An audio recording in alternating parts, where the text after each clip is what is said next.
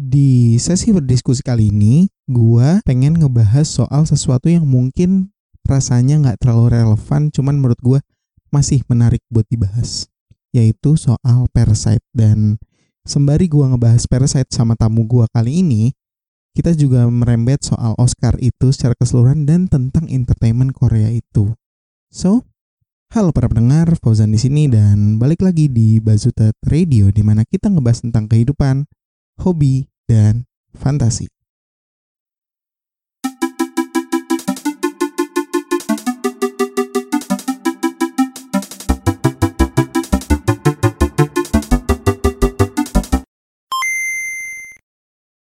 Eh, halo semua. Halo. ya udah lu kayaknya ini kan sesi ini gua nggak tahu ya hitungannya berdiskusi apa bercerita kayak sih lebih ke diskusi kali ya Iya, diskusi. ya udah lu kan kalau diskusi nggak sendirian ya lu kenalin deh nama lu siapa gitu kan Oke. Eh, halo semuanya. Eh, nama gue eh, Josephine. Eh, bisa dipanggil Jose. Eh, dan gue eh, kali ini bakal jadi narasumber ya. Iya. ya Sip. Iya, gue jadi guest star. ya anda guest tapi anda bukan star ya tolong ya Iya. oke Iya, yes. jadi eh to the point aja sih gue pengen apa ya ngebahas soal ini udah lewat banget cuman kayaknya enak aja dibahas kali ya Mm-mm. soal Oscars yang kemarin nih tahun 2019 eh 2020 ya 2020. iya 2020 ya 2020. benar-benar Mm-mm. dan the entire hype-nya itu gimana dah menurut, menurut lu gimana deh Oscar itu entire lu lu lu live lu nonton nggak gitu atau Eh, gue sih nggak nonton kayak live. Gue cuma nonton nggak full show-nya. Gue nonton kayak cuplikan doang. Sama yang kayak apa speech just gitu. oh iya iya, iya. Belum sempet nonton full. ah iya iya gue kalau gue sih gue gue juga nggak nonton full gue juga nggak nonton full Mm-mm. tapi gua update di akun Twitternya Oscar. Ya lu tau kan yang ada apa sih? Kayak gitu-gituan yang di up apa sih bahasanya? Kayak foto ya gitu loh. Ya. gitu ya. Itu shit banget. Tapi ya kayak gue pernah nonton video gue lupa yang bikin nggak salah Fox gitu. Kayak maksudnya kan salah baca nggak di Oscar doang. Waktu itu ada di eh, apa di Miss Universe. Miss, iya, Miss Universe ya yang kan ada iya, salah iya. baca juga kan. Colombia sama Philippines ya nggak salah ah, apa Iya, apa gitu. Iya, Philippines. Terus Gua- kayak ada Iya. Iya. Terus ada yang bikin kayak ulasan, kayak bikin video bahwa tuh mereka tuh salah baca tuh sebenarnya bukan kayak apa banget kayak alasannya ada karena tuh fontnya tuh kayak yang dibikin tuh kayak nggak efektif gitu di kertasnya. Jadi kayak orang kalau baca tuh otomatis tuh kayak bacanya tuh salah gitu. Hah? Ada ada videonya tuh interesting banget suah. mak- mak- maksudnya otomatis salah baca gimana? Kayak gimana ya? Eh kayak Tulisannya nggak jelas gitu. tulisannya tuh ditaruhnya tuh kayak di mana gitu. Waktu itu gue udah tahun lalu sih alasannya terus menurut gue tuh kayak lumayan interesting. Ah, oke oke. Kayak gue perlu cari tahu sih soal itu. Gue juga penasaran kalau lu cerita kayak gitu. Iya iya ada ada ada itunya. Itu eh bentar ya gue cari. Oh, eh, di Fox judul video itu Bad Typography has ruined more than just the Oscars. Oh, wait. Fox pakai V ya? Fox iya itu, channel dan kayak jadi tuh dia kayak gini loh Ah, surat iya, iya, kertas iya, itu iya. kayak gini. Jadi tuh dia kayak dibikin eh apa namanya eh, di kertas itu eh, tulisannya tuh yang kayak Miss Universe tulisannya kayak second runner up siapa bawahnya baru first runner up siapa gitu Ya kayak ampun, diribetin gitu ya biasanya lah ya. kayak ribet kayak lu kalau at the moment itu pasti lu baca yang pertama lu lihat dong kayak kayak misalnya yang di paling atas gitu sedangkan dia taruh juara satu itu di yang kedua gitu Ah, oke oke oke. Oh iya ya, gua nggak, gua nggak. Tapi iya tulisannya jadi tuh ya gedean yang pertama apa yang kedua? maksudnya Nggak, maksudnya kan tadi lu bilang kedua sama yang pertama, itu yang gedean yang kedua gitu tulisannya.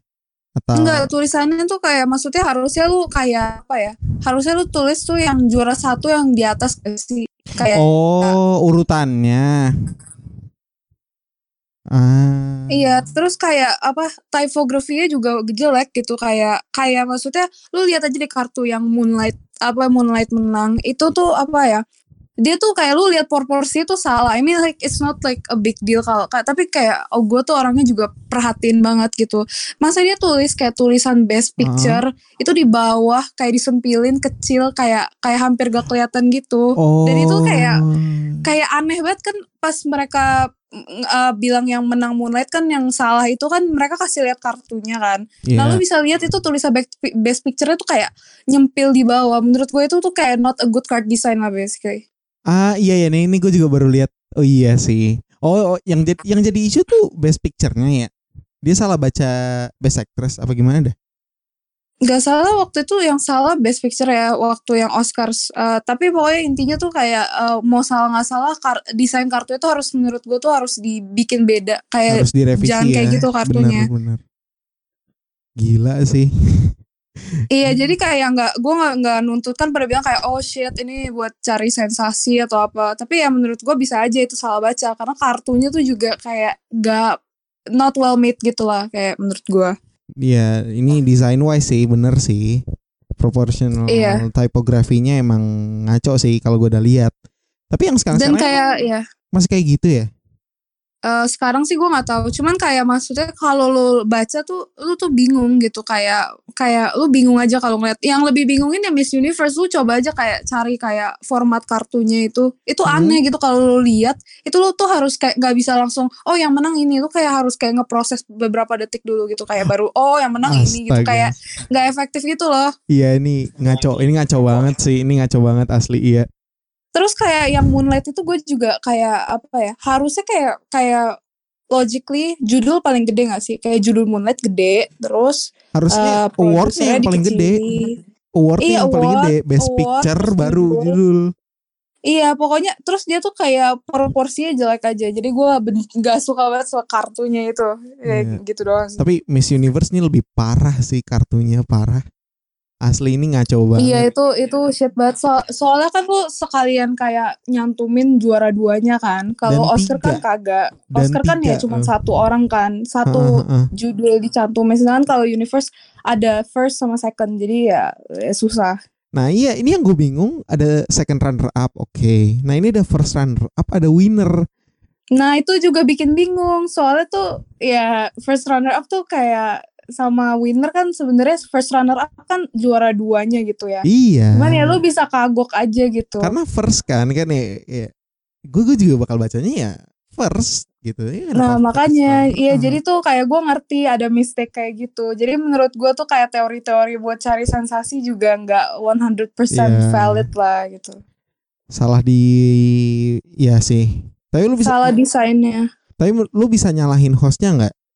Kalau kayak gitu? Hmm, enggak juga sih, soalnya kayak Enggak, maksudnya sebenarnya gue tuh juga bingung sih actually karena harusnya mereka ada latihan dulu. Tapi but then nggak bisa juga dibilang latihan soalnya mungkin hostnya juga bahkan nggak tahu yang menang siapa karena kartunya masih disegel kan. Nah, menurut gue begitu. Menurut gue mereka tidak nggak ada host yang tahu jawaban, yang yang tahu jawaban cuma juri yang gue rasa nah, begitu. Iya. Jadi uh, maksudnya dia itu tuh gak ada latihannya kayak lu ngebacain siapa yang menang. Jadi menurut gue sih kayak emang itu harus didesain kartunya karena itu nggak not in the control of the host karena mereka tuh nggak ada persiapan sama sekali gitu. Emang nggak nggak boleh kan? Kan nggak boleh dia lihat iya, dulu dong. Iya benar-benar. Iya, jadi menurut gue sih kayak nggak apa-apa sih dia salah gitu. Maksudnya yang harus yang harus disalahin di sini sih ya yang bikin kartunya. Kalau bisa tuh dibikin lebih biar orang yang baca tuh kayak jelas gitu. Oh iya benar-benar. Wow. iya kan itu gue juga kayak wah itu kayak I mean like gue tuh gimana ya ini ini agak out of topic gak apa-apa nih. Iya nggak apa-apa nggak apa-apa. Sumpah kayak gue tuh baru nyadar gitu kayak typography itu tuh kayak itu hal ya hal kecil yang kita suka kayak nggak perhatiin tapi ternyata itu makes a huge difference kayak kayak gimana ya kalau lo think about it tuh Steve Jobs tuh bikin Apple dia uh-huh. itu tuh foundationnya tuh bukan coding sama the actual komputer tapi dia tuh pertama yeah. gara-gara dia masuk ke kelas typography kalau perhatiin tuh dia dulu tuh nggak apa ya si Steve Jobs tuh kayak nggak uh, nggak oh uh, pengen bikin Apple gara-gara oh kita kayak dia belajar coding or something gitu yang kayak berhubungan dengan kayak komputer. Tapi itu yang pertama yang bikin dia establish Apple itu uh, salah satunya dia ikut kelas typography dan dia mau implementasiin sebuah brand di mana tuh kayak komputer tuh nggak kayak Windows gitu. Kayak lu bikin font semua aestheticsnya beda yang bikin tuh kayak out of the box banget dan kayak stand out gitu. Dan kayak sampai sekarang tuh uh, gue bilang ya Apple uniknya gitu dari kayak lu lihat fontnya tampilannya itu tuh yang bikin mereka sukses menurut gue hmm setuju sih gue kalau lu ngomongin soal apa namanya ini sih lebih ke design matter sih kayak ya propors Mm-mm. pro, pro- apa bahasanya itu kayak golden ratio pro, pro- apa proporsi Iya, ya proportional proportion. gitu gitu itu penting gitu dalam desain ini kayak kita mendingan ngomongin desain gak sih daripada ngomongin film asli ini udah Iya, sangat melenceng iya Lens, tapi nggak apa-apa itu interesting facts aja menurut gue. nah, iya tapi iya sih gue sepakat sih soal eh, tadi soal kartu sih itu juga new fact juga buat gue Iya, wow itu itu interesting juga. Gue juga waktu baca kayak oh ya juga ya. Iya. Eh, Nah. terus eh, kita balik lagi ke Oscar. Yap, yap. Baik lagi nih. Kan bisa dibilang tapi lu, lu tahu nggak tahun 2019 yang menang siapa? Best Picture-nya. Em 19 eh, siapa ya? Lupa. eh aduh gue lupa lagi. Tunggu. Siapa ya? Eh, Green Book yang menang itu. Oh, iya. yeah. Lu udah nonton belum itu? Um, actually belum. Belum ya. Nah, 2019 tuh gue kurang apa ya? belum in deep sama beginian ya? Apa gimana? Enggak, pokoknya pas 2018 gue tuh kayak nonton full, tapi yang 19 tuh kayak enggak gitu. Oh, sibuk UTBK ya. Eh ya itu zaman-zaman UTBK gak sih? Eh, Kayaknya lupa gue. Kan Februari Februarian. Oh iya ya, iya kayaknya gue lagi emang lagi sibuk. Gue cuman inget 2019 itu kayak si Rami Malek menang. Gara-gara itu. Rhapsody iya. Iya, Bohemian Rhapsody. Kayaknya itu doang yang gue inget. Sama Wah. itu yang film Roma, yang black and white pic apa? Film black and white yang kayak dari Spanish itu. Wait, itu yang Black Panther masuk Best Picture bukan sih? Ah, emang emang iya Black Panther Ah, tuh dapat iya. nominasi. Cuman dapat nominasi emang- Best Picture. Enggak enggak menang, Ah, ah. enggak menang Best Picture, enggak menang Best Picture. iya dia dapat nominasi. Iya, yang gue inget itu doang. The rest gue kayak gak, gak gitu perhatiin. Hmm. Nah iya, jadi eh, kalau yang beberapa orang yang tahu nih eh, Oscar tuh kayak tahun 2019 nih dibenci banget gitu. Kenapa?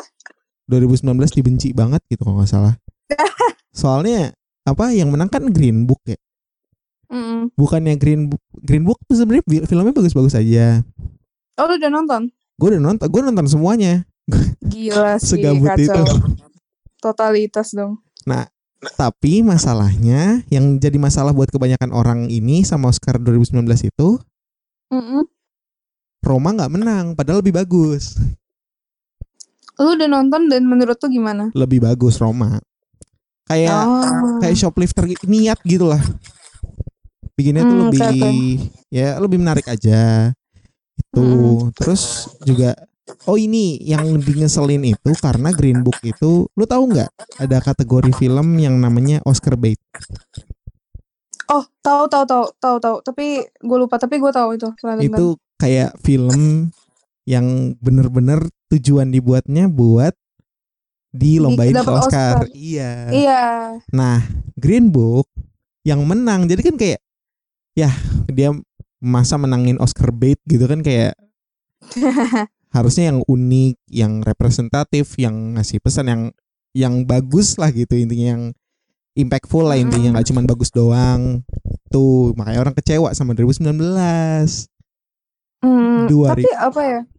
Hah? Apa sih kata kayak yang bikin film Oscar bait itu eh kayak ada itunya gak sih? Kayak ciri-cirinya gitu kayak wah ini film tuh kayak fix Oscar bait gitu. Oke, eh, lu udah nonton coba dari nominasi-nominasi Oscar 2020 yang lu udah tonton apa aja?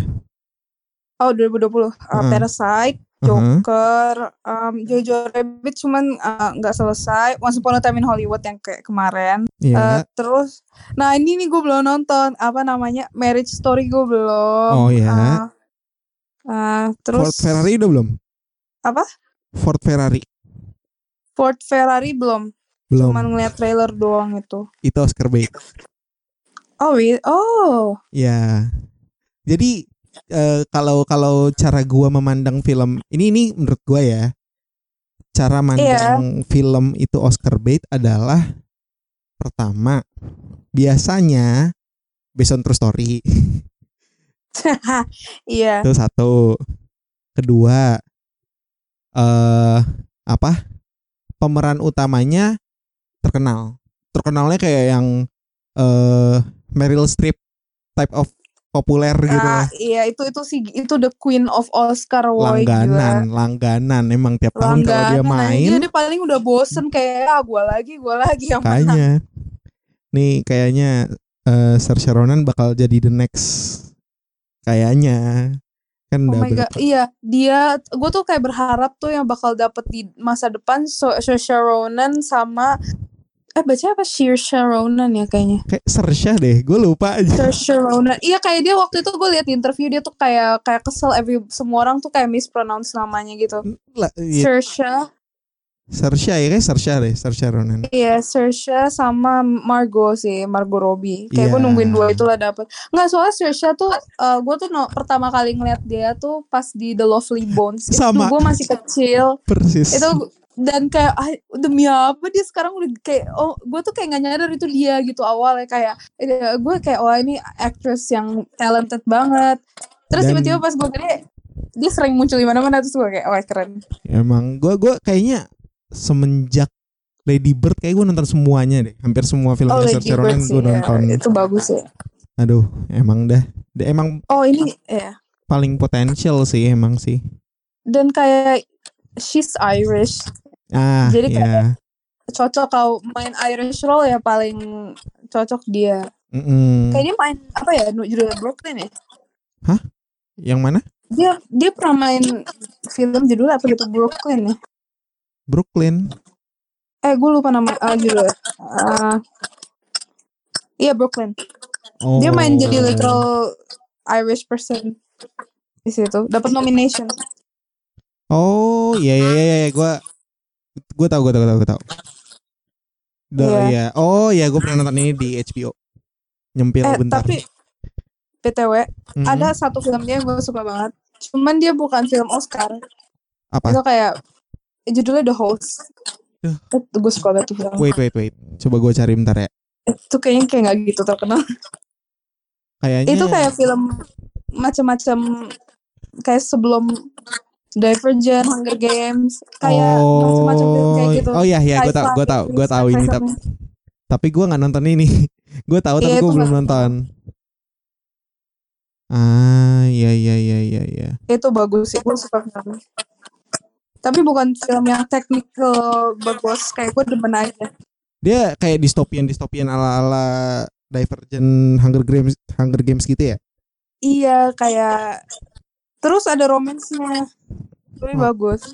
hmm oke oke Jadi tuh kayak iya, kenapa kenapa kenapa jadi tuh ceritanya tuh kayak tubuh manusia tuh di zaman itu tuh kayak udah dijadiin host buat parasit alien-alien gitu. Oh Terus iya. kayak ya, apa ingatannya tuh dihapus gitu lah. Kayak basically jadi robot gitu gimana. Hmm. Dan sisa-sisa manusia yang belum di inhabit badannya mereka ngumpet. Ya jadi kayak ada eh, alien gitu. Terus Ah. aliennya itu kayak ma- masuk ke tubuh-tubuh manusia.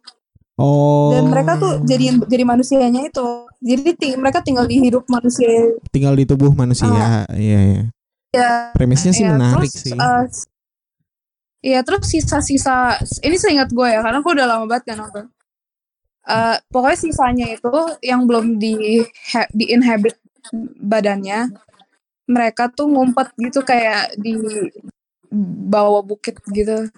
Terus si cewek si Sha ini Mhm. dia itu kayak eh, udah dimasukin nih parasitnya. Cuman tuh kayak eh, badannya tuh kayak masih ada resistance gitu. Jadi dia tinggal di tubuh itu tuh ada aliennya, tapi masih ada dianya. Jadi mereka berdua tuh kayak berantem berantem. oh menarik sih Iya, ya Itu teen movie sih tapi fix Iya, teen iya. movie kerasa sih dari sebenarnya sebenarnya premisnya menarik, cuman kentara banget sih kayak distopian distopian gitu kayak Mm-mm. adaptasi novel bukan? Terus romance. Iya adaptasi novel. Iya benar sudah gue duga. Kerasa banget kayak fiction no apa kayak buku fiksi buku fiksi novel gitu lah novel teenage teenage novel gitu. iya teenage novel banget. Mirip itu kayak Divergent, Five Wave. Hmm. Tapi Saoirse Ronan main gitu ya? Ya Itu dia kayak masih muda juga ya. Masih dua Iya. kayak 20-an gitu. Tapi gue juga nggak kaget sih. Maksudnya Jennifer Lawrence aja main Hunger Games gitu kan? Eh iya juga ya. Iya kan makanya. Eh, Nah iya sih. Emang Saoirse Ronan walaupun begitu emang potensinya yang paling ini sih buat jadi the next Meryl Streep. iya. Tadi kan udah ngebahas soal ini sih ya. Saoirse Ronan di tapi lu nonton Little Woman gak sih sebenarnya? Nah itu dia belum, padahal bagus katanya. Dan sebenarnya udah udah HD gak sih? Singkat gue udah HD deh. Iya nanti nanti gue nonton. Ya, emang lu masih banyak watchlist ya padahal lagi di lagi kuliah at home juga ya. Iya ya. Gue tidur mulu kerjaannya anjir. Wow. Wow. No lab banget. Emang menjiwa ini kan living the Pachi life kan, no life. Iya ya, itu ya itu kita Identitas diri. Apa-apa. identitas sumpah. Iya bener. Kayaknya hidup gua sebelum sama sesudah karantina gak ada gak ada bedanya. men. Eh, lanjut eh, ngomongin soal Oscar lagi. Tadi kan lu belum nonton apa namanya Little Woman juga. Mm-mm. eh tadi gue gue sampai mana sih sebenarnya? Gue udah gue udah selesai ngejelasin soal Oscar bait kan ya. Udah. Udah ya. Nah, yang sebenarnya yang, yang paling menarik sih di Oscar tahun ini sih emang Best Picture-nya nggak sih emang Ya itu apa ya? Game changer parah. iya makanya kayak apa sih nih kalau kita ngomong nominasi-nominasi ya sebe- sebenarnya lu lu bisa nebak gak kalau misalnya nominasi yang menang siapa kalau belum ketahuan lu nebaknya siapa Kemarin ya. Tunggu ya masuk siapa aja? Eh, Parasite Ford Ah. Ferrari Irishman Iya. Jojo Rabbit Aha. Joker, Little Woman, Marriage Story, 1917, sama Once Upon a Time in Hollywood. Oh damn. Bagus-bagus semua gak sih? Emang Aduh itu ya. nggak nggak apa ya? At least tuh nominasinya nggak nggak ada yang random kayak tahun lalu. Ah, iya. Makanya gue bingung tahun lalu tuh kenapa ada. Maksud gue oke, eh gue tahu mungkin orang akan kesel dengernya. Gue kurang suka Bohemian. Enggak, ya nggak apa-apa sih. Soalnya apa ya? Cuman Rami Maleknya doang yang bagus. Dia Ya, doang. Iya, iya, iya, emang. Yang lainnya nggak ngedukung, kesel banget gua. sama lagunya doang, sama lagunya bagus. Ya Queen Ah, ya oke. gimana ya? Nah, kira-kira yang mana lu kalau misalnya suruh, suruh nebak emang Parasite ya? Kayaknya bukan parasite sih. Enggak, maksudnya kayak gue tuh kaget aja mereka milih kayak yang bukan American. Nah, itu dia. Itu itu his- apa kayak pertama kali dalam sejarah film Iya makanya, jadi gue nggak nggak expect kayak gue expect banget nggak gue 100% yakin mereka dapat foreign. Iya, Best Foreign gue juga gue juga udah kayak berani bet bahkan ya bahasanya. Itu gak usah di gak usah di apa gak usah dibatin lagi itu fix. Tapi kayak best picture gue mikir tuh kayak yang lain lah ya 1917 atau enggak siapa lah nggak tahu. Iya. Ya, kayak gue nggak kepikiran yang menang bakal Parasite. Pas menang gue kaget banget. Cuman emang menurut lu deserve gak sih kalau lu lu sendiri Apa? Parasite menang? Eh, Maksudnya dibandingkan sama film-film yang lu udah nonton gitu. Oh itu setuju banget dan kayak gue ada alasannya. Kenapa menurut gue itu film genius banget. Wah, oke, oke, silakan di breakdown. Saya tertarik sama penjelasan Anda. eh btw gue juga masih ada feeling aja jangan sampai Joker yang menang nih. Sebenarnya ini loh, gue gue baca tuh waktu itu ada orang yang bilang eh Parasite harapan orang.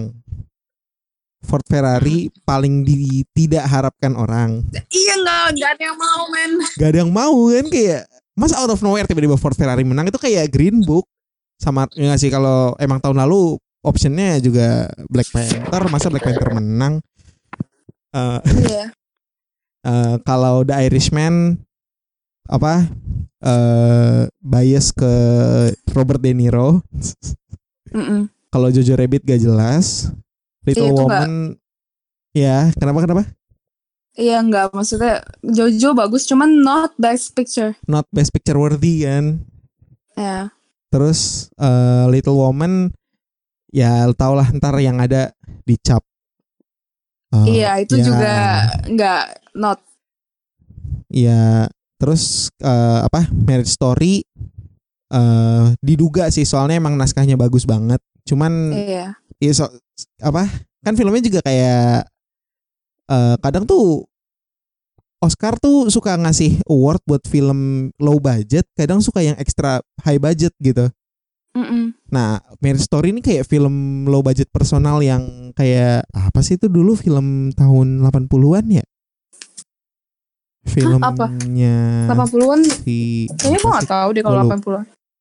Ada tuh yang terkenal banget apa sih gue lupa. Filmnya aduh Woody Allen. Filmnya Woody Allen yang mana gitu. Nah, Oh Woody Allen.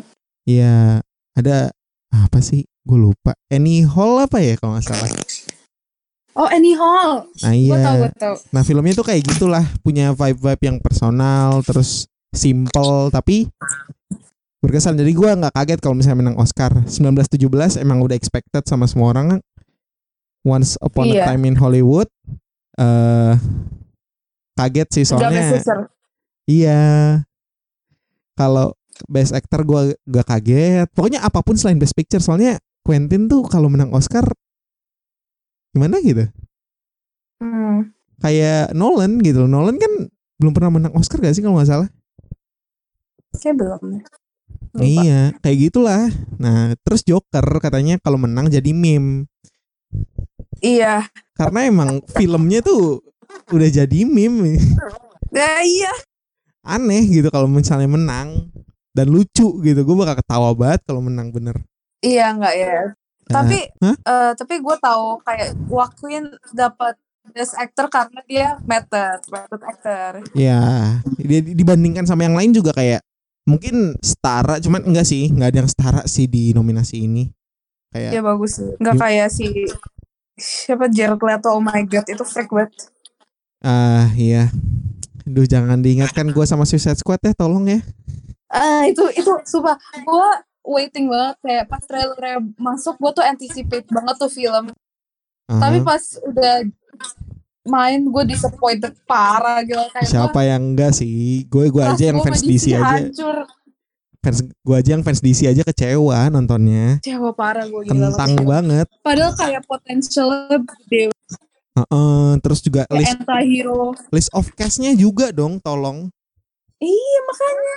Eh t- apa mana berhubungan juga kan sama film yang lu nonton sebelum itu apa Fokus? Mm-mm. Ada Will Smith sama Maksudnya Marco. chemistry-nya juga udah ada Nah itu, ya. itu gue herannya di situ. Tapi kok aneh? Eh, Yang bikin aneh ya gue bilang tuh dia tuh bikinnya juga rush ya kalau gue productionnya di rush banget Wah kentara sih kentara. Skripnya, Eh, terus? skripnya buru-buru, editing kentara banget berubah-berubah, musik gak jelas Iya. kayak radio. Gonta Iya, ganti Em, apa sih Eh gue gak suka banget karena Delvin jadi main villain itu nggak studinya itu Oh, worst iya. acting Iya sih. Enggak storynya aja nggak cocok gitu loh. Apa eh anti-hero yang kekuatannya juga B tier gitu yang cuman mampu buat lawan Batman suruh lawan extraterrestrial villain gitu. Jadi kayak ngapain? ya itu freak banget Apaan banget gitu loh lawan tentara-tentara nggak jelas. Eh kayak gitu mah manggil Superman anjir gak jelas gitu. iya freak banget lah itu itu jangan diingetin aja Dah, dah, dah, dah, dah. dah, dah, lanjut, lanjut, lanjut. Tapi emang kayak apa si Joaquin Phoenix kan Iya. sebelum Oscar pun emang udah menang lumayan banyak. Nggak bukan lumayan banyak sapu bersih semua award. Eh, SAG apa yang kemarin BAFTA terus Golden Globe dia juga menang Oscar Best Actor. Gak ada yang dia gak ada yang dia kalah. Emang disapu bersih semua emang si Joaquin Phoenix emang. Tapi lu tau gak sih yang bikin gue kesel apa? apa Dia tuh kayak oh, banyak orang yang gak kenal dia siapa. Jadi orang pada ngira dia came out of nowhere gitu. Padahal dia tuh kayak udah jadi talented actor tuh dari dulu. Iya makanya banyak gue lihat filmografinya juga kayak udah nggak main-main ini emang emang kelas atas aja cuman jarang main aja jarang muncul aja kayak Leo Iya. jarang dapat spotlight cuman Mm-mm. sekalinya dia dia dia picky lah gitu bahasanya milih film tuh itu kan tadi ya best actor best actress eh gue belum nonton filmnya so gue bingung Rene bukan sih? iya Rene Rene Ya Zellweger dia juga. Iya gue tahu dia pertama kali eh, dari Bridget Jones Diary. Oh, dia. Bentar deh, bentar. Iya. Dia Apaan? Yang di Bridget Jones Diary. Gua gua gua tahu, cuman gua nggak tahu dia main di Iya, dia. Itu dia ya. Gua nggak tahu Uh-uh. dia yang main itu. Nggak, gua tahu namanya, cuman gua nggak tahu kayak dia main di mana ya. Cuman gua kayak familiar banget sama nama aktor, aktrisnya gitu kan. Iya. Ya, tapi emang worth it sih, emang, emang worth sih soalnya if you play apa namanya? eh apa? Tokoh nyata ya itu kan dia kayak peranin real life ini kan real life person gitu kan. Apa sih Mhm. biasanya bi- biografi gitu ya. Mm-mm. Emang biasanya itu kalau orang main film biografi itu bisa menang, sering banget menang kayak Rami kemarin. Terus Iya. siapa lagi sih yang menang tuh kemarin? Gary Oldman ya kalau nggak salah tuh Main apa tuh? di Darkest Hour yang jadi Churchill. Winston Ah, iya, Churchill itu dia menang. Terus eh tapi kenapa Margot Robbie nggak menang ya jadi Tonya Harding ya? Aneh. Itu dia bagus banget. Padahal bagus. Tolong Parah. dong, tolong.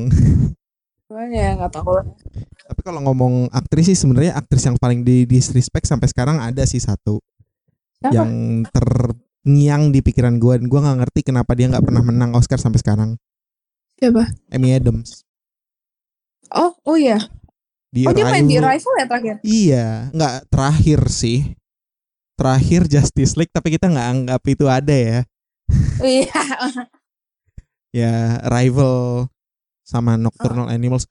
Banyak sebenarnya film-filmnya bagus tuh cuman kenapa tidak diapresiasi sama Oscar? Gue nggak ngerti dah emang Eh, gue juga gak ngerti orang akademi. Ya, tapi Scarlett Johansson bisa dapat nominasi banyak kayak gitu ya. Padahal Iya, dia bagus.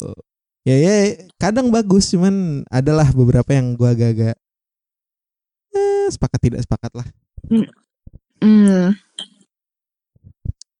Eh, gimana sih?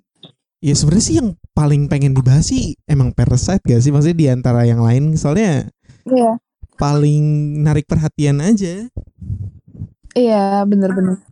Oh iya tadi lu kan bilang lu mention tadi lu bilang pengen lu ngomongin soal Parasite kayak ngasih Oh iya. breakdown gitu lu jadi nggak? Oh kayak iya, tadi iya, sure, sure. Eh, gimana ya?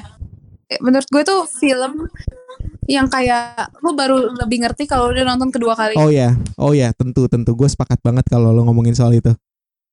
Iya, itu, Kenapa tuh? itu keren sih. Kayak, gue yang gue suka dari Parasite sih da, direktornya itu genius parah sih. Kayak it's so perfect. Itu movie-nya tuh kayak flawless banget menurut gue. Kayak Hmm, from a technical standpoint ya, itu perfect parah. technical dan narasi sih menurut gue Wah ya. itu emang kayak maksudnya apa ya? Yang nih gue gue gue bingung dah. Lu, lu tahu nggak ada Parasite Black and White? Maksudnya? Jadi eh, pas Oscar apa pas Parasite baru banget menang Oscar, Parasite tayang lagi di bioskop. Tapi hitam putih. Apa gimana gimana? Per- apa pas banget Parasite menang Oscar kan biasanya kalau di Indonesia tuh film yang menang Oscar tayang kan di bioskop lagi kalau misalnya udah Uh-uh. tayang nah Parasite kemarin tayang lagi di bioskop Indo Mm-mm. tapi black and white Oh ya? Heeh, jadi kayak pure hitam putih aja Kenapa dibikin gitu? karena katanya si Bong Joon Ho gua gak tahu gua ngomongnya bener apa enggak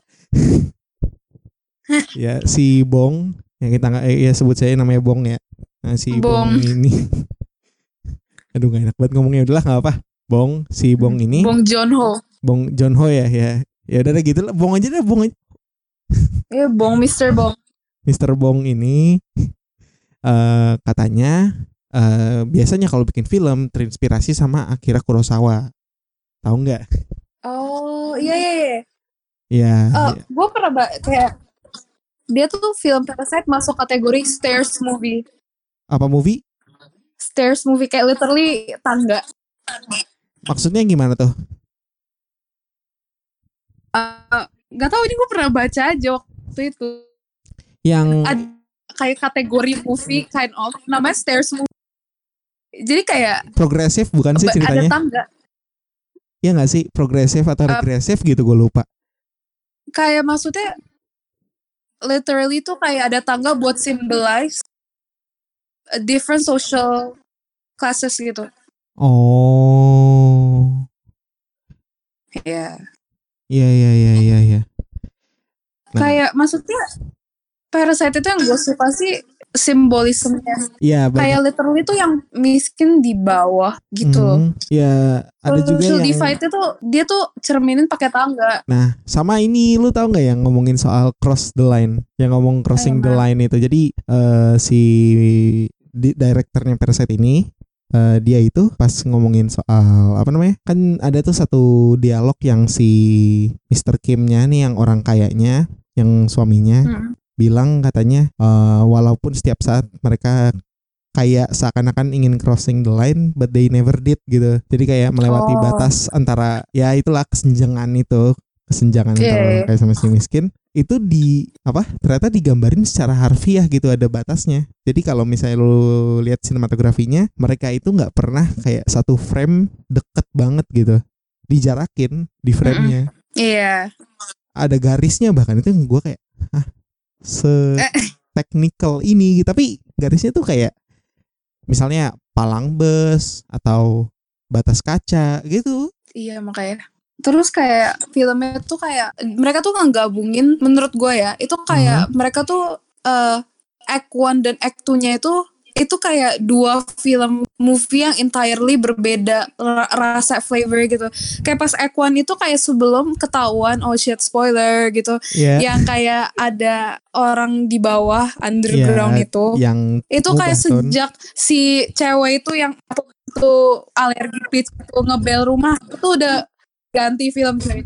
Kayak ganti intense full on itu kayak gila ya sih gua nah tapi ini ini yang gue suka juga apa eh lu tahu kan si apa director Parasite ini gua nggak mau sebut namanya takut salah director Parasite ini bilang kalau genre film ini itu tragikomedi Mm-mm. jadi eh, setelah gue nonton kedua kali dan gue nonton pakai black and white gue nonton black and white penasaran aja kan kayak apa bedanya gitu Mm. Ternyata act 2-nya masih komedi. Apanya?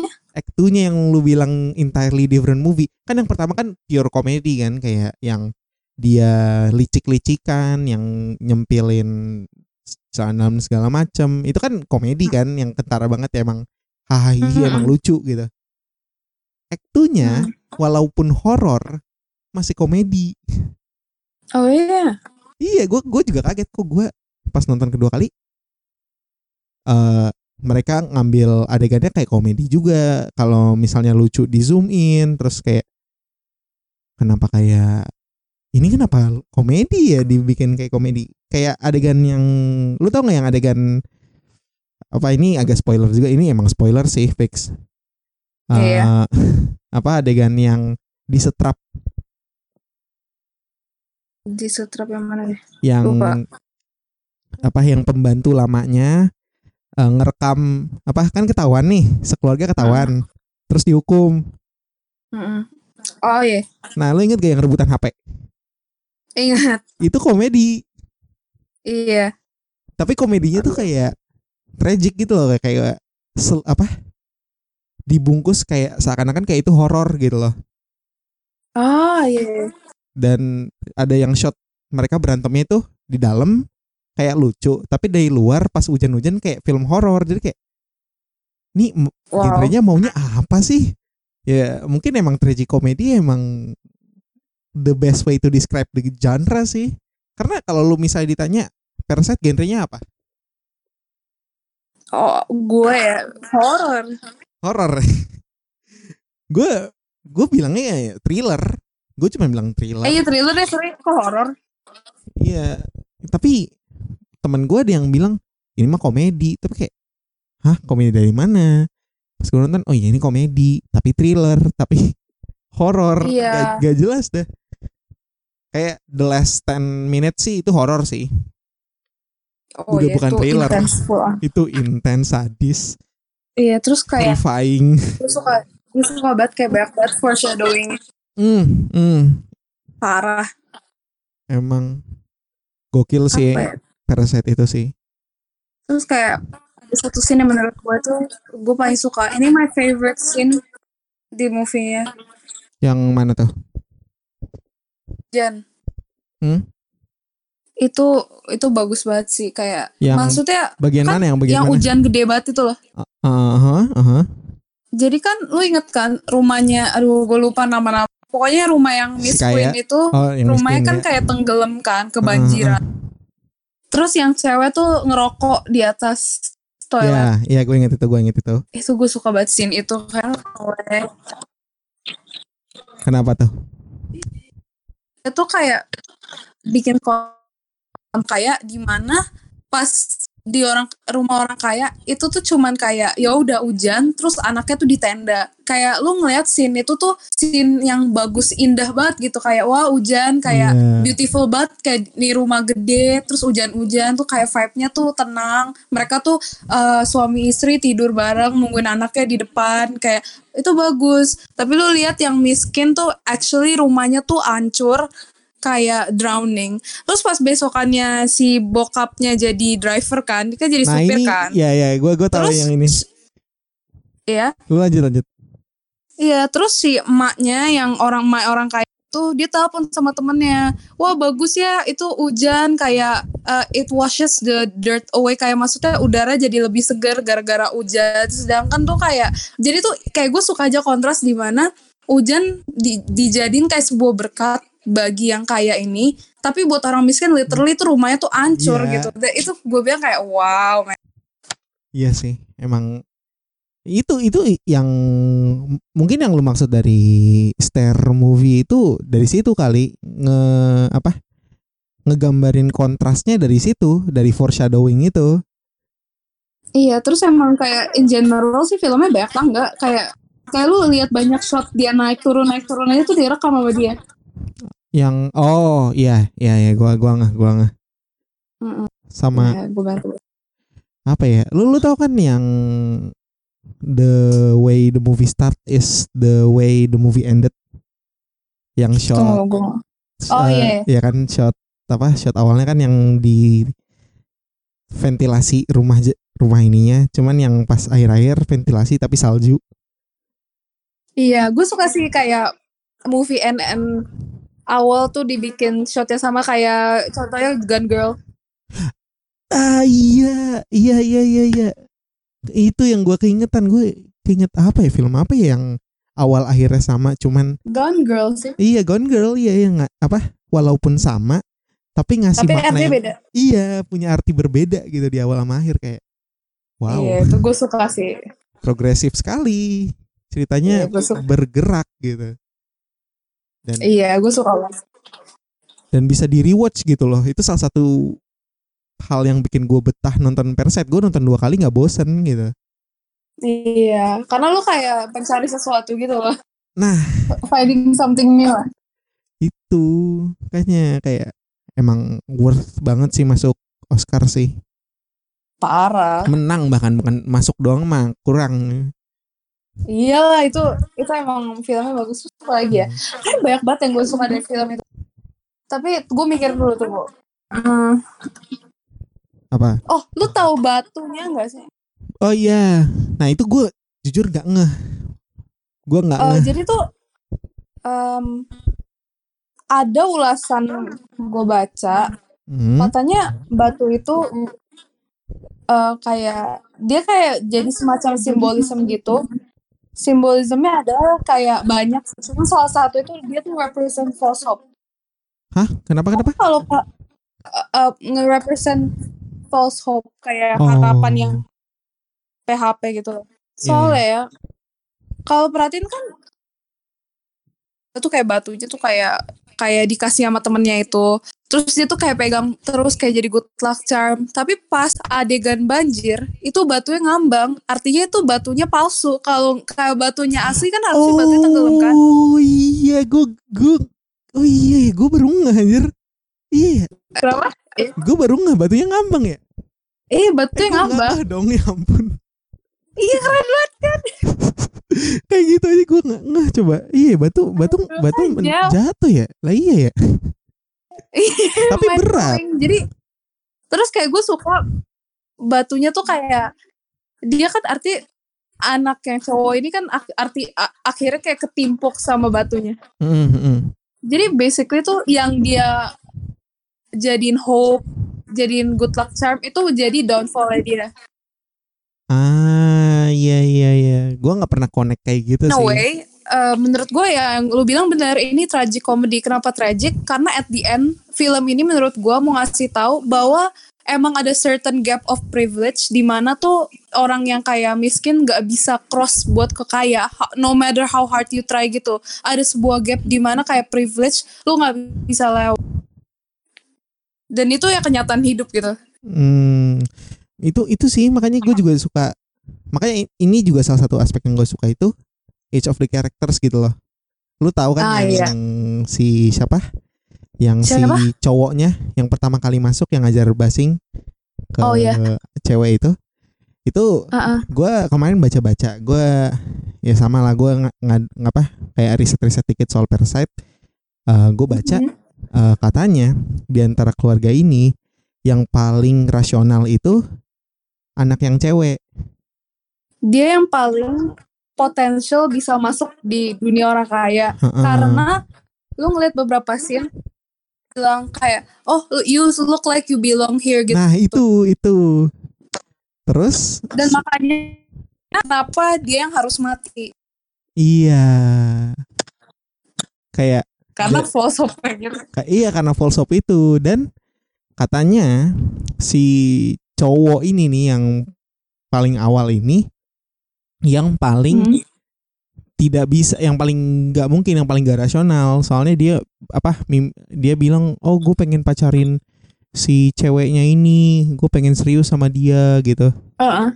terus kayak makanya pas si yang kakaknya apa adiknya ya apa kakaknya yang cewek itu mati dia jadi nggak ada arah gitu. Makanya di akhir akhir yang dia bilang apa gue akan kaya gue akan beli rumah ini dan lu bisa keluar dengan bebas dia cuma bisa ngebayangin karena dia tahu Mm-mm. itu nggak akan terjadi gitu loh. Nah itu dia. Emang sih selayered dan se kompleks itu. Iya terus kayak satu lagi gue suka banget dia ngelambang kayak maksudnya di Act One yang gue bilang tadi belum the, all the shit happen underground yeah. lah before it all went down jadi Act 1 lu cuma ngeliat itu kayak sebatas film oh ya kontras antara orang kayak yang privilege orang kaya sama orang yang kayak uh, miskin kan Mm-mm-mm. Terus kayak maksudnya dari lu lihat scene awal, lu ngeliat kayak mereka tuh jendela dari rumahnya levelnya di bawah, terus jendela itu juga kayak setengah gitu kecil, kayak lu cuma bisa lihat di alley dan yang kayak itu jendela gede kebuka. Nah itu Act 1 kan. Ah, iya, Tapi iya. lu masuk ke Act 2, lu ngeliat ada orang yang bahkan gak punya jendela dan gak bisa ngeliat matahari, which is orang yang underground itu. Dan film itu seakan-akan dia bikin level satu lagi di bawah orang miskin di mana emang ada orang-orang yang terperangkap kayak gitu. Oh my god tuh kayak dan menurut gue tuh genius parah. Oke, gue harus nonton lagi.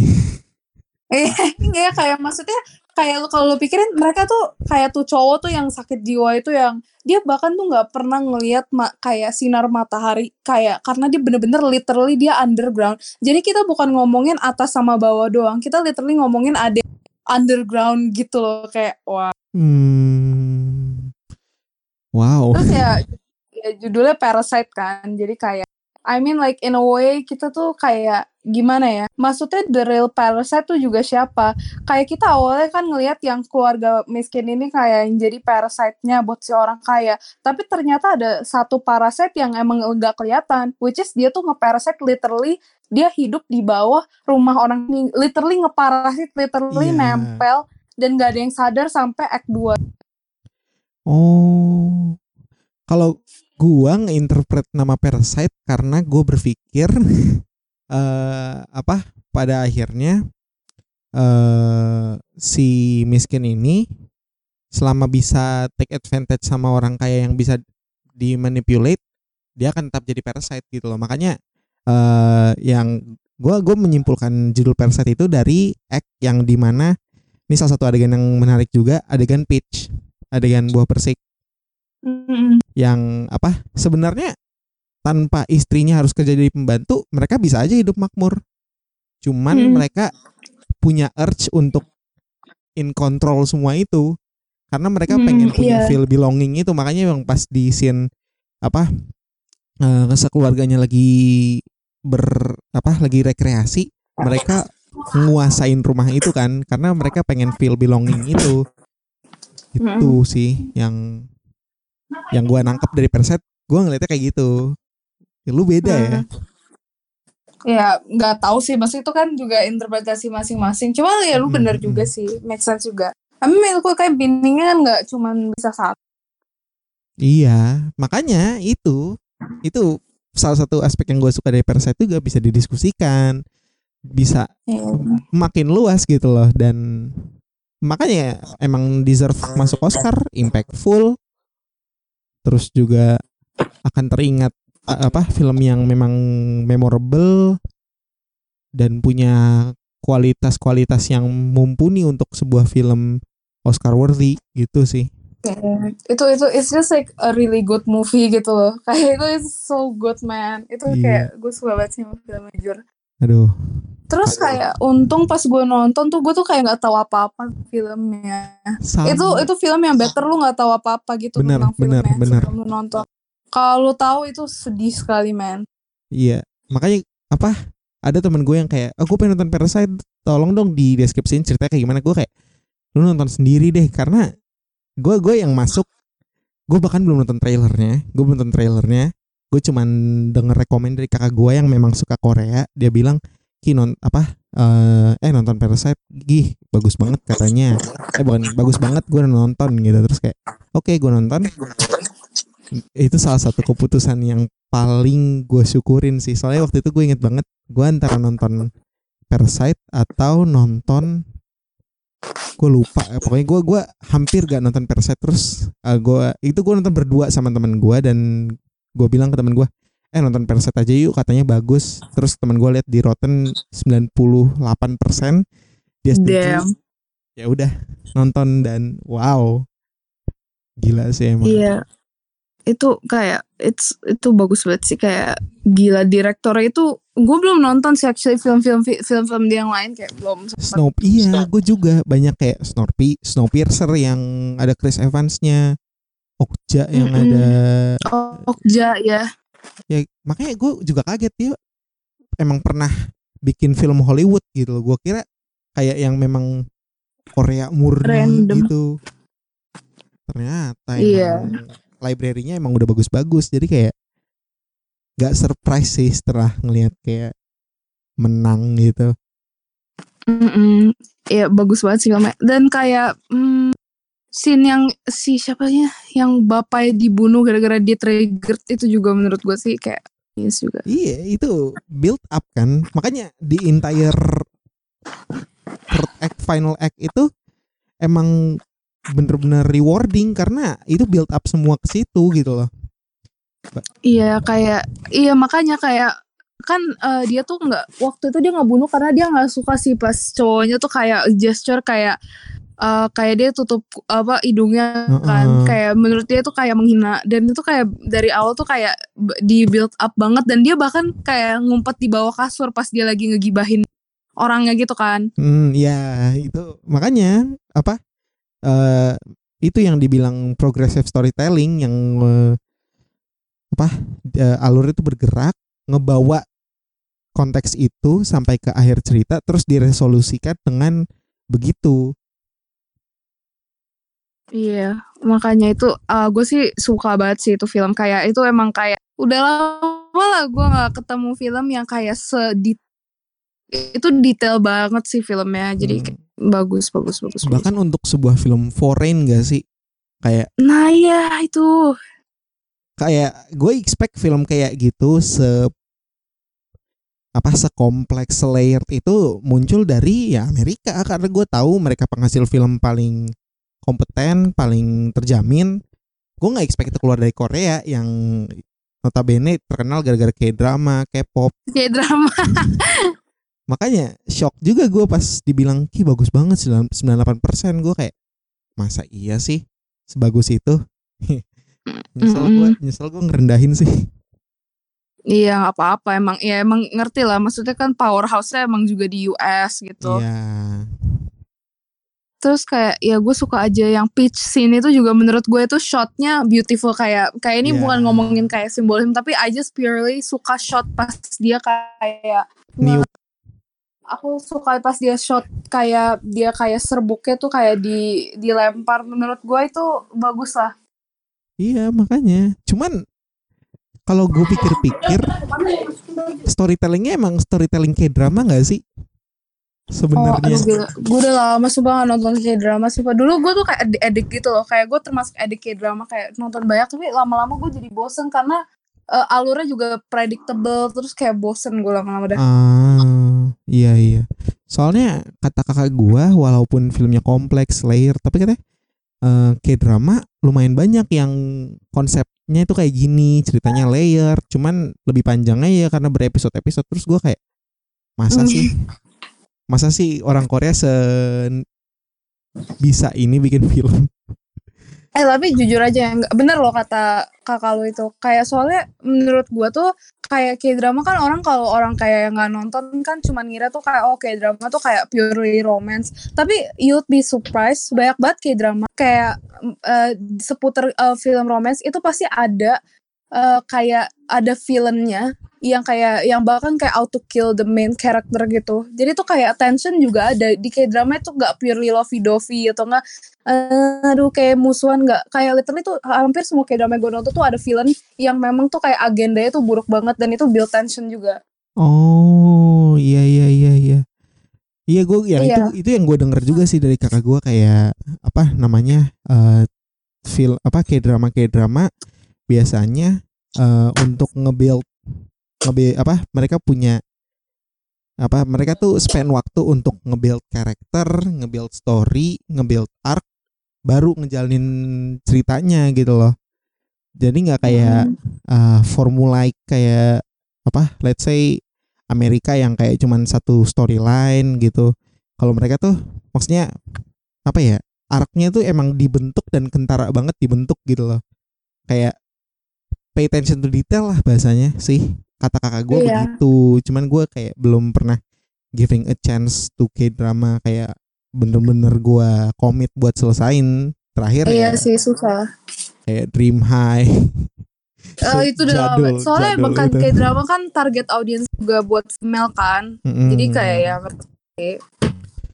Nah iya kan makanya gue having a hard time lah buat mulai ngikutin gitu. Iya tapi kayak drama tuh kayak menurut gue tuh ada beberapa kayak trope sama kayak kayak hal yang always happen. Jadi kayak lama-lama gue bosen aja gitu kayak because kayak selalu kayak alurnya gitu biasanya sama. Ya? Iya, Jadi predictable, predictable ya? banget. Cuma ada beberapa sih kayak drama yang emang actually gue enjoy dan emang mereka tuh enggak setengah-setengah bikinnya. Jadi kayak kalau misalnya drama ada kayak uh, fantasy atau apa, mereka bener-bener kayak dari kayak editing CGI apa, iya, mereka movie tuh quality kan. Iya, dan emang musiknya mereka komit juga gitu kayak gue suka OST kayak K-drama menurut gue bagus-bagus kayak maksudnya tuh lagu yang kayak uh, yang kayak ya lagu love gitu ya maksudnya kayak tapi bagus gitu. Kayak Hmm. emang kayak production K-drama juga nggak main-main gitu nggak kayak ah, ya kayak sinetron Indonesia kayak menurut gue itu banyak juga yang kayak well made. Apalagi nih uh, gue kasih tau aja ada satu Uh-huh. K-drama ini bukan romance ini cuman ini tapi terkenal K-dramanya. Kayak dia lumayan ratingnya tuh uh, ma- termasuk kayak yang udah ngalih rekor tinggi. Dan dia tuh nggak tentang romance judulnya Sky Castle kalau pernah denger. Nah itu yang itu yang gue tahu itu sumber kakak gue bilang coba ki nonton Sky Castle itu yang anak masuk kedokteran bukan sih?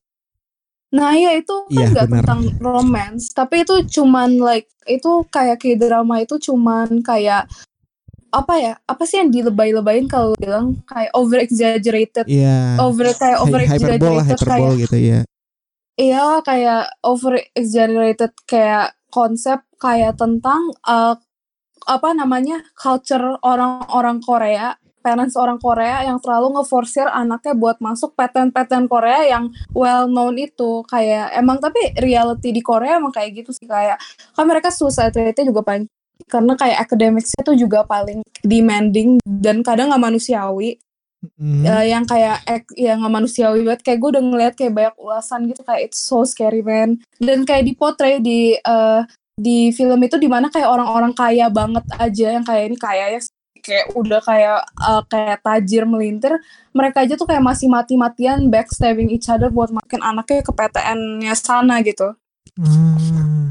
Makanya itu sih yang gue rasa dari Parasite dan beberapa gue udah nonton beberapa film Korea juga Eh, kayak apa sih Miracle in Cell Number 7 ya atau gitu-gitu. oh itu ya itu katanya bagus gue belum nonton sih tapi yang ma gue nonton terus dia bilang bagus Eh, nah ya, yang gue rasa sih mereka itu eh apa namanya?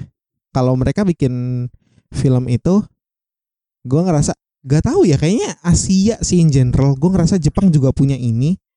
Mereka itu apa namanya? Kalau mereka bikin film, pesan yang mereka pengen sampaikan itu biasanya lebih mentereng gitu loh daripada film-film barat. mentereng apa tuh Kayak maksudnya? bukan mentereng, apa biasanya lebih menonjol gitu, lebih kentara, lebih tam, lebih kelihatan gitu daripada film-film barat. Oh iya sih, cuman eh, isu gue sama, maksudnya kan kayak setiap negara tuh kayak punya style sendiri. Tapi gue Iya. bilang Jepang tuh kadang Mm-mm. eh, film-filmnya yang gue nggak tahu sih kan, kayak gue juga nggak nonton banyak. Cuman kayak ini lebih kayak romansi atau apa lah. Kayak gue nggak juga nggak romans juga sih. Kayak menurut gue banyak film Jepang yang terlalu over car- cartoonish gitu. Jadi kayak karakternya tuh dibikin seakan-akan tuh mereka punya kayak karakter yang would only work di kartun. Nah, Tapi kayak mereka coba imply ke live action jadi aneh terus jadi kayak forced alay gitu, kayak iya. ya itu itu yang isu gue sih sama kayak drama Jepang sih. Kayak mereka tuh bikin kayak skripnya segala it's like kayak mereka mau bikin anime atau kartun. Sedangkan itu nggak work kalau lu taruh di dunia nyata kayak jadinya lebay gak jelas gitu. Hmm, iya itu itu yang juga gua rasakan sih kayak beberapa maksudnya yang ketika gua ngomong soal mentereng itu gini eh apa namanya eh walaupun banyak yang ya itu apa gini gini gini Eh film Asia yang gue tangkap ini adalah kenapa gue bilang bisa ngirim pesan yang paling kuat adalah karena gue nggak tahu kenapa ya tapi kayaknya genre slice of life paling banyak muncul di Asia nggak sih oh iya iya itu benar benar benar. Setuju parah. Karena ya ya maksudnya kalau lu lihat film barat kan jarang banget lu nemu film slice of life. Paling family movie ujung-ujungnya kayak The Pursuit of dan Happiness itu pasti itu kayak juga. komedi atau enggak kayak oh ada sesuatunya nggak liter nggak beneran realita gitu. Nah itu. Cuman tadi lu bilang beda negara beda culture beda style. Nah Iya. kalau si Korea dibikin apa over reali kayak eh realistik kalau Jepang dibikinnya hyper realistik gitu loh Iya, tapi apa ya? Kayaknya ada beberapa film Jepang. Film Jepang gimana ya? Kayak lu lihat dari segi apanya ya? Dari segi kayak color yang mereka pilih, kayak filter, nggak tahu sih itu sebutannya apa kalau di film ya. grading Kayak grading grading filternya, apa iya gradingnya, color kontrasnya. Kalau Jepang itu mellow banget terus kayak warnanya tuh soft tapi softnya nggak kayak Korea. Kalau kayak masa kalau lu nonton kayak drama itu lu kayak ngelihat itu kayak kayak lu lihat itu high production banget lightnya itu terang banget terus kayak everything itu picture perfect banget gitu. Kayak bukan kayak kehidupan nyata gitu kayak kalau lu lihat dari kayak kayak drama itu shotsnya itu overly perfect di mana kayak lu nggak bakal dapet kehidupan nyata sedangkan kalau film Jepang itu tuh colorsnya tuh lebih natural gua. Nah iya itu itu yang juga gue rasakan kayak gimana sih uh, kalau film Korea itu walaupun konteks yang mereka ceritakan secara storytelling itu realistis, cuman uh, dari teknisnya itu picture perfect banget kayak naskahnya sangat amat scripted gitu loh nggak nggak kayak gue jarang banget nemu apa aktor atau Korea yang method acting gitu loh Ngerasa nah iya kayak sih. nggak nggak apa ya mereka itu ya tadi lu bilang karena sangat amat terstruktur dan tertata dengan rapih sehingga tidak ada kadang ya beberapa beberapa film Korea yang gue temukan hilang apa nah apa namanya itu kehilangan apanya ya namanya itu kayak genuine-nya gitu kayak Iya iya ngerti kok maksud lo apa. "Heeh," jadi nggak raw gitu loh. Iya. Iya menurut gue kayak gini, kayak gimana ya? Kalau film Jepang kan mereka juga pakai natural light. Kayak gue sering lihat mereka tuh kayak literally kayak kayak matahari aja gitu. Kayak maksudnya eh, mereka tuh kayak eh, kayak syutingnya di sunlight atau kayak maksudnya natural lah pokoknya.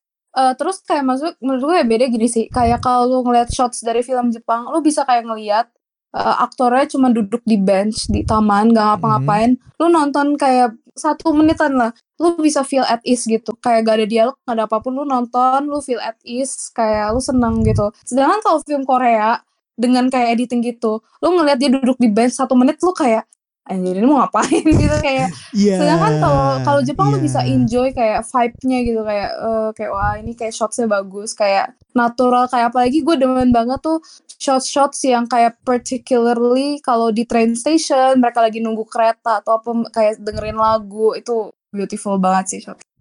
Iya, itu sih kayak apa bahasanya?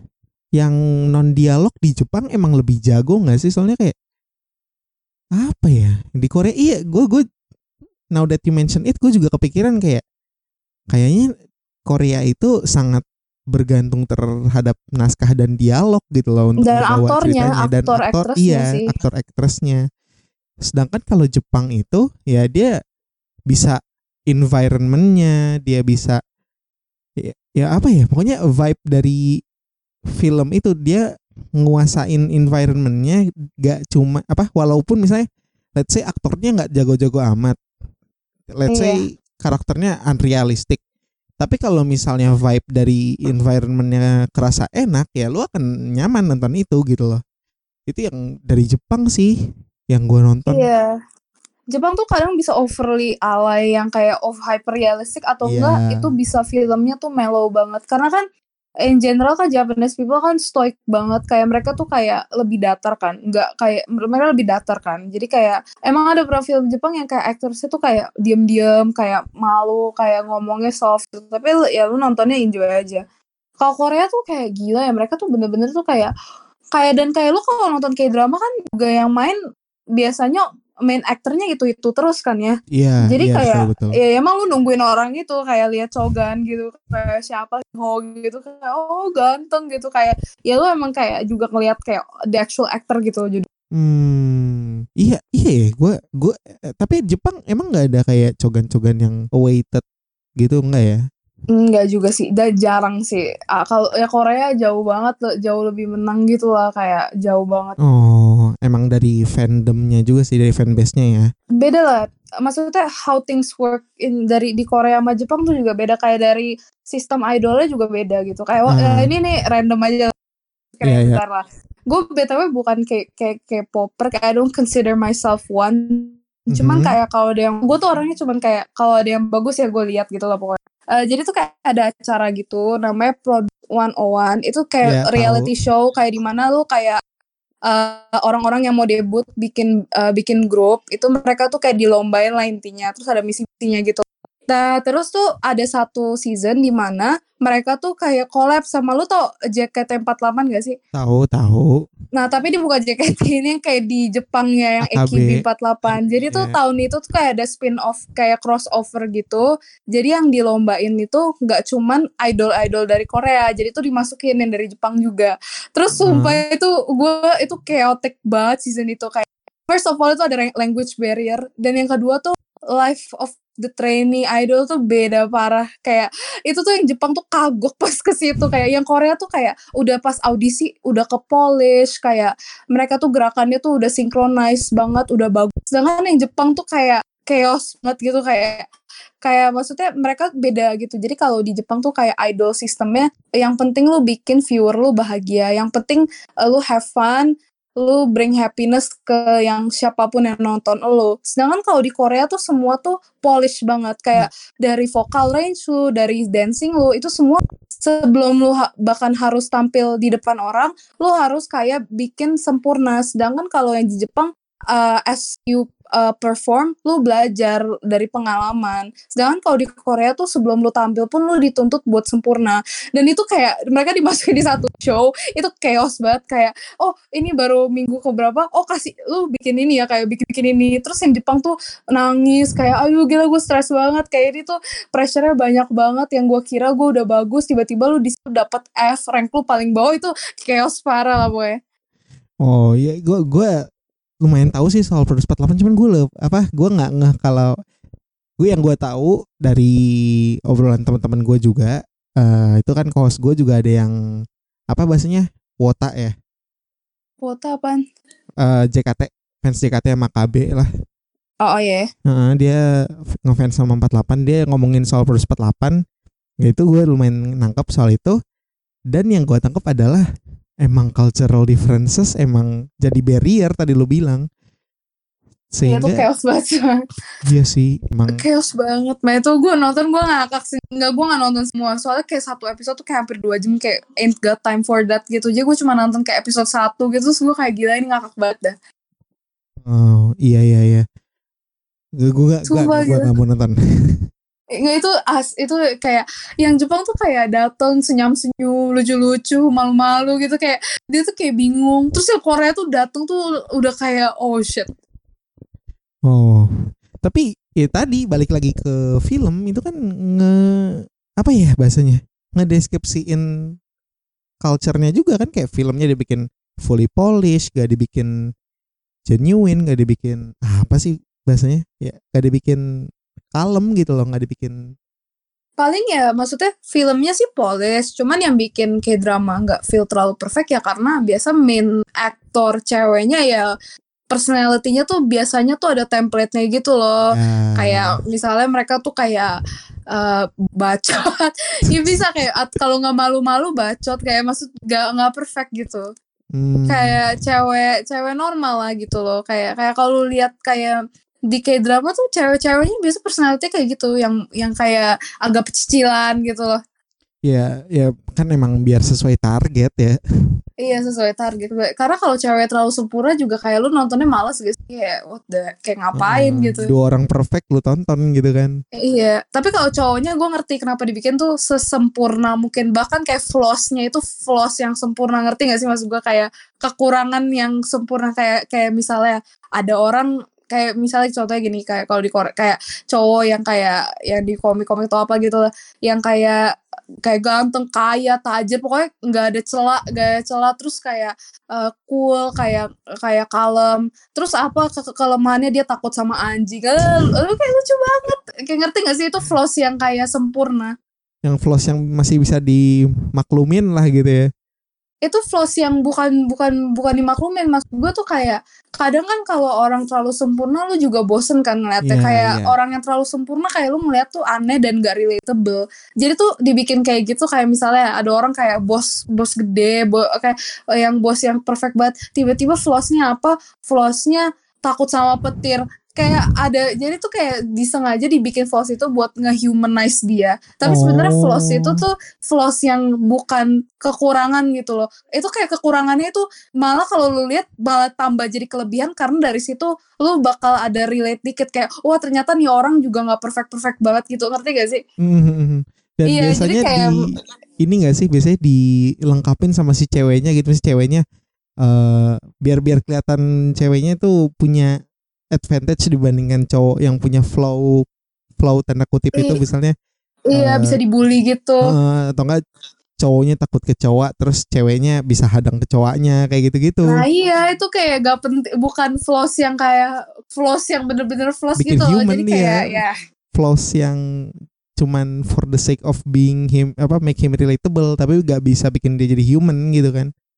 Iya kayak ya ya gitu lah ya itu sih lah kayak ya, ya about k drama ya itu sih kayak gue Hmm. males nontonnya karena kayak episode-nya panjang aja sih paling gue nonton biar keep up sama teman-teman gue kan teman-teman gue banyak yang nonton kadang kayak gue kalau ngomong kayak pengen tahu juga gitu jadi paling ya gue nonton karena mereka tuh ngerekomen gue juga banyak banget gue belum sempet Ah iya iya iya.